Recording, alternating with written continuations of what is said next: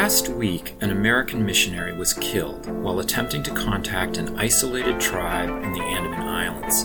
This is only one of a number of tribes, most of them in the Amazon, who face extinction from contact with the outside world.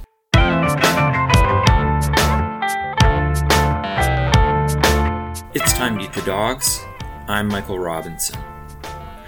Today, Scott Wallace talks about his recent trip to Brazil, reporting on the efforts of the Guajajara people to protect the forests and the uncontacted peoples who live there, from loggers, miners, and poachers. Wallace is a journalist and a professor of journalism at the University of Connecticut. His article, The Last Tribes of the Amazon, was the cover story of National Geographic in October. Scott Wallace, thank you so much for coming back to uh, Time to Eat the Dogs. This is a great podcast. I'm very happy to be back here again. You uh, open your National Geographic essay um, with a description of a patrol of Guajajara men who are part of a group called the Forest Guardians, um, who are trying to actually protect indigenous lands against illegal loggers. I was wondering if you could describe what they're doing the forest guardians have sprouted up in response to an epidemic of illegal logging in the territories where they live in the eastern Amazonian state of Maranhão. This is in Brazil. And the Guajajara uh, homeland, they are s- scattered around a little bit, but the majority of Guajajara are concentrated in an indigenous reserve called the Arariboia. And this is like a large area that's surrounded on all sides by deforested land mm. and municipalities, towns that all depend on the logging business for the principal source of revenue. The rest of the state has seen its forest cover completely destroyed. So the only viable stands of precious hardwoods still remaining in the state of Maranhão are to be found on indigenous lands and in protected areas. Uh, not just in Arariboia, there's a series of other indigenous lands as well, but Arariboia is the largest intact primal forest in the state of Maranhão. Mm. You mentioned that these were precious hardwoods. That was one of the questions I had from the from the essays. So this isn't lumber for let's say construction. This is these are precious. Um, what what are they actually? Well, I mean, some of the timber will end up in the local market to for housing construction and furniture, but there are trees that are considered uh, very valuable for and and our export quality ipe, which is a very dense hardwood that's very popular here in the states for used for decking in outdoor uh, purposes because it is so weather resistant and dense. Ipe is one. Uh, there, there are a number of others um, whose names escape me at the moment, but they are all valuable trees that are not found anywhere else in the state of Maranhão. One of the uh, things that you mentioned is that the uh, Guajajara are actually the forest guardians are trying to protect other indigenous groups that they live up alongside of in the Arariboia, one of whom is the Awa people. Could you talk about them? Right. Actually, the the principal group that they are seeking to protect inside the Arariboia Reserve are the Awa. The Awa uh, tribe, which lives almost entirely in the state of Maranhão, was first, uh, their lands were encroached upon and uh, large swaths of their territory decimated, and they were forced, basically forced into contact with the outside world in the 1970s. And the Awa are now living in four separate indigenous reserves inside the state of Maranhão. There is a mix of contacted Awa who's who were they were forced into contact beginning in the 70s, some of them in the 80s, even into the 90s. but there are still groups of uncontacted Awa, the largest of which is found inside the Arariboia Reserve. The Arariboia Reserve is a really interesting place because there are no contacted Awa there. The contacted Indians inside the reserve are all Guajajara. But in the center, in the core of the reserve, is primal forest, and inside that primal forest, there are somewhere between we're not we don't know for sure somewhere between 60 and 100 uncontacted awa nomads moving around that forest that forest is under constant siege by illegal loggers who are penetrating into the territory in the absence of serious enforcement on the part of the government because it is illegal to enter indigenous territories mm. and to log inside of them the Guajajara, in order to defend their own territory, which they've seen transformed by the logging invasion, the weather is changing. There's not as, as much precipitation. The droughts are longer. Uh, a lot of this has to do with deforestation. Mm. To save their own future and their own homeland and to protect the uncontacted Awa, they have begun to uh, they've consolidated into these groups, forest guardian groups, to defend the land against the loggers. One of the things I found so interesting about your your essay is that I think um, when I when I think about um, uncontacted tribes, I almost think of it as being one of two states. You know, either people are in contact with the outside world or they are not, and you really get a sense from your essay that no, they're actually gradations of contact, and that the awa, uh, some of them live within the forest, correct, and then they they make trips into the reserve uh, to do hunting and kind of traditional practices. Others are completely uncontacted. Could you talk about the kind of spectrum of people that you find in these reserves? The Awa are a very interesting group because there are these gradations of contact, as you say. The the the Awa who live in the settled communities who were first contacted in the 70s, those people, by the way, a lot of the elderly people who live in those settled communities still remember their first contact with the outside world. They still cling to traditions, and a lot of them, especially the older men, still venture into the forest.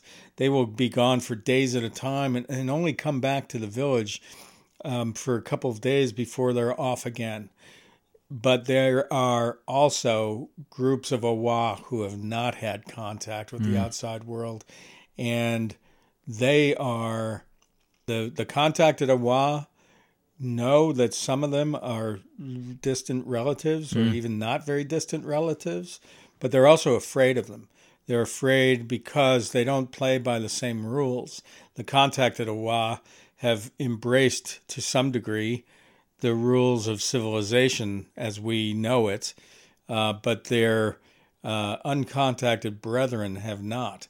And so when they go into the forest, the contacted Awa to go hunting, they do all uh, everything they can to avoid contact with the uncontacted Awa. I found it really interesting uh, when you're talking about the forest guardians and their interests in protecting the Awa, basically a group of people that they have never had contact with.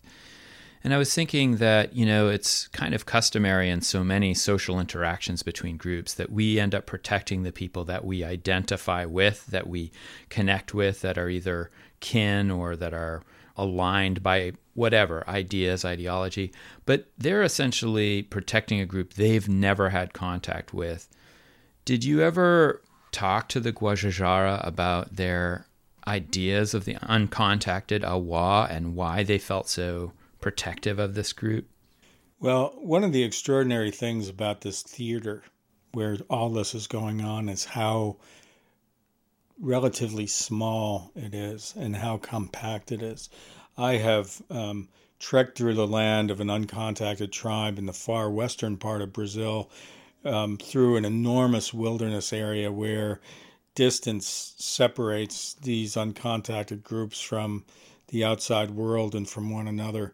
In Maranhão and in like the Arariboia Reserve, the distances are relatively small. there are a number of Guajajara who have actually laid eyes on the uncontacted Awa as they move through the forest. Mm. And there's some uh, Guajajara whom I interviewed who have actually, you know, had sort of near encounters with the uncontacted Awa. Well, unfortunately, one one story that was um, we had to cut from my piece for reasons of space.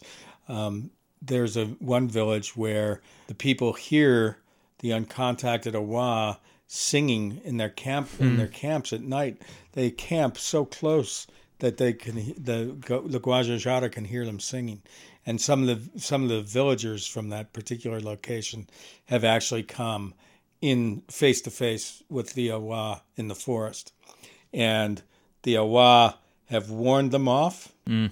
In one instance, um, an Awa warrior drew his bow and pointed his arrow in the chest of a Guajajara across a very short distance of maybe 30 feet and said, Don't come any further, stay back. Wow. But the Guajajara said, told me, this guy, they know that we are brothers.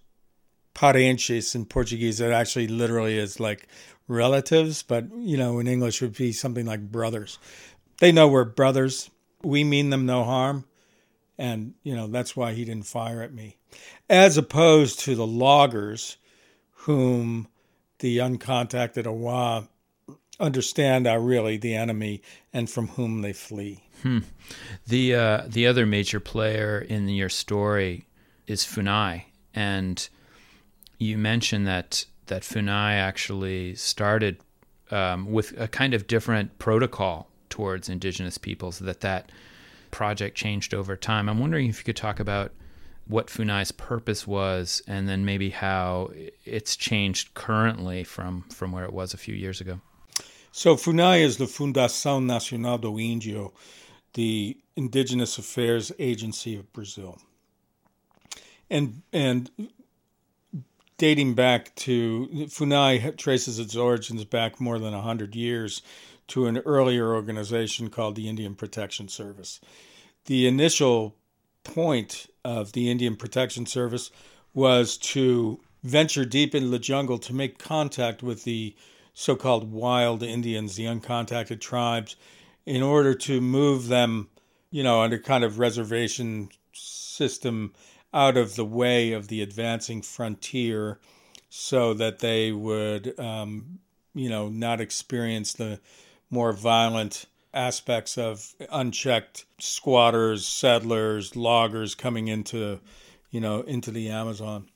And, and so Funai inherited that role from the Indian Protection Service in the late 1960s, beginning of the 1970s.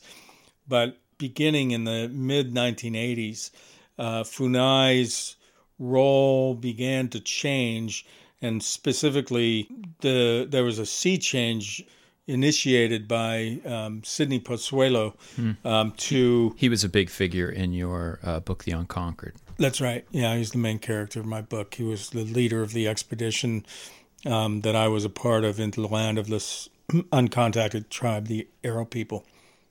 But Possuelo re- led this change in Brazilian government policy, which up until 1987 had been Funai's purpose, or at least the wilderness scouts who belonged to Funai, their main purpose was to go into the jungle to woo the uncontacted tribes from the forest and then, you know, settle them in communities and give them medical assistance and, you know, eventually educate them and try to integrate them into the national society.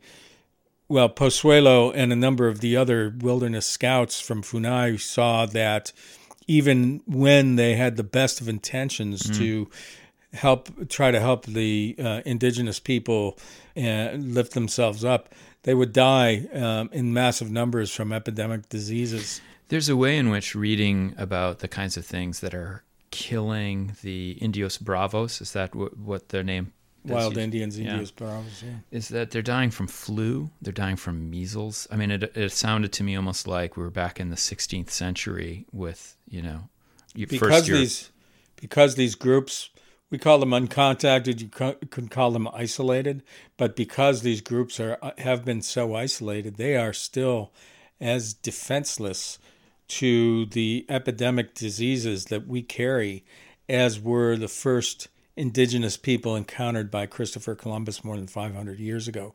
They still do not have immunological defenses to the pathogens that we carry. So they are still very vulnerable to uh, flu, measles, even the common cold can be deadly for these groups. Mm. You mentioned that um, the Arrow people, which were the subject of your first book, The Unconquered, how are they doing now? What, what's what's happening with the Flecheiros?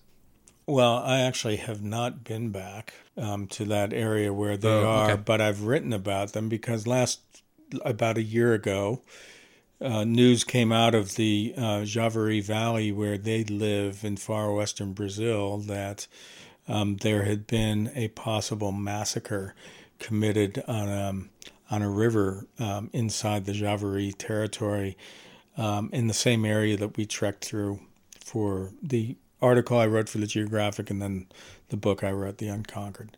So, so they live in a completely roadless area that um, is a very difficult access, which is a um, which protects them from outsiders to a great extent. Also, that particular area, um, the territory was delineated. This protected area, the Javari Valley Indigenous Land, was delineated purposefully so that all the drainages um, it, it's a, it's an area where the headwaters are in the far western part of the reserve, and all the creeks, all the streams flow to um, flow to rivers that all run in a single direction to the east.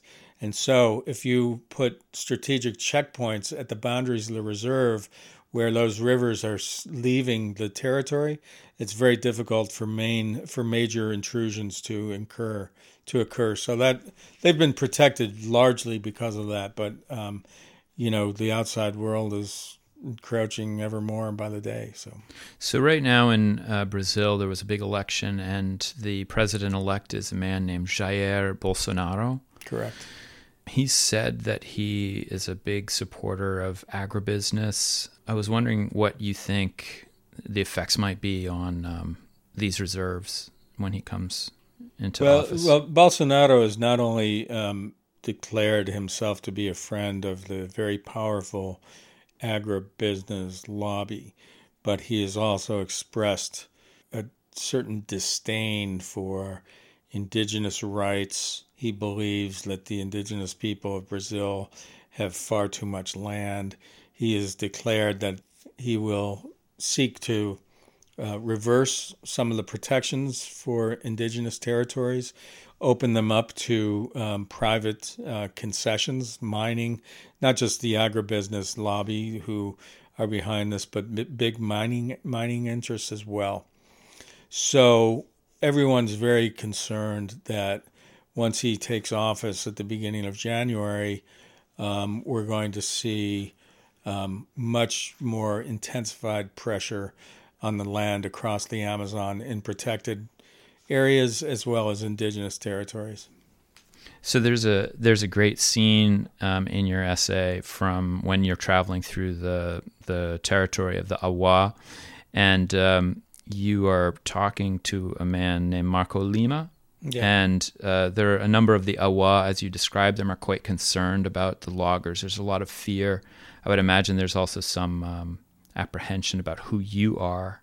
He stands up and he says, I'm just going to quote from your essay here. You say, I said I had come to hear their concerns and share them with the readers far and wide. Marco Lima grabbed my pen and held it aloft. You see this pen? he shouted for all to hear. This is Scott's weapon. With this, he will tell the world about the Awa. I was wondering if you could uh, talk about what your interaction was like with the Awa people. What did they make of you? The, the Awa, by and large, knew that I was coming because, in order to secure permits to get into their territories, I had to go through Funai, the uh, Indigenous Affairs Agency.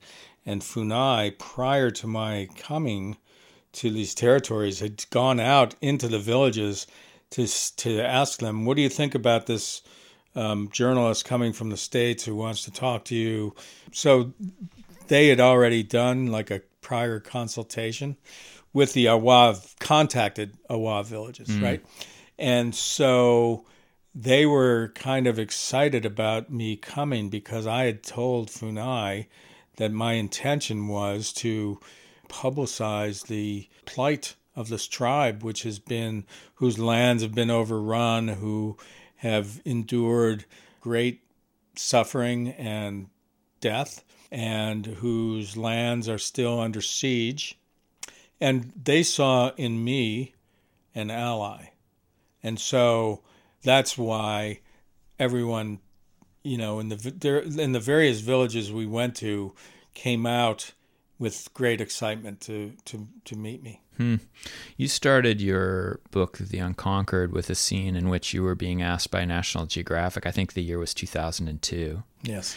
To pick up the story of Sydney Possuelo in in Brazil, and now it's 2018 in a sense, you've been following a story with a, a, similar story arc for a long period of time.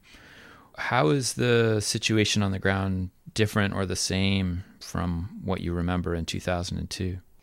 I think the forest is getting smaller.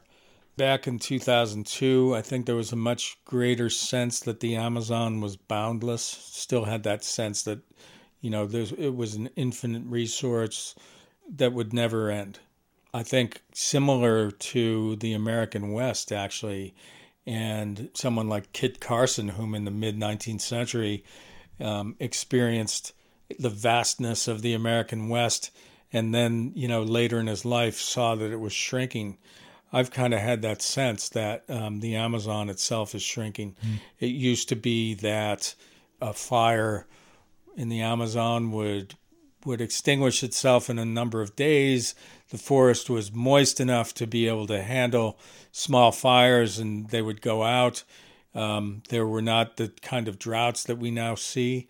We have a sense now, I think, of its finitude, of the the massive development projects that are underway in the Amazon right now are making uh, promising to fragment these large wilderness areas and reduce it to a much smaller more vulnerable forest, no longer the vast wilderness that we that I experienced. The the Javari Valley, where I went in 2002 on that trip, is one of the really last bastions of real like wilderness in the Amazon. Mm. Scott Wallace, thank you so much. Thank you. That's it for today. The music was composed by Zabrat Make sure you check out the Time to Eat the Dog's website for podcast links and other exploration related stuff. And if you get the chance, please take a minute to rate and review the show wherever you get your podcasts. It really helps make the show visible to new listeners. And if you want to recommend a guest or make a comment, feel free to contact me at time to eat the dogs, that's one word, lowercase, at gmail.com. See you next week.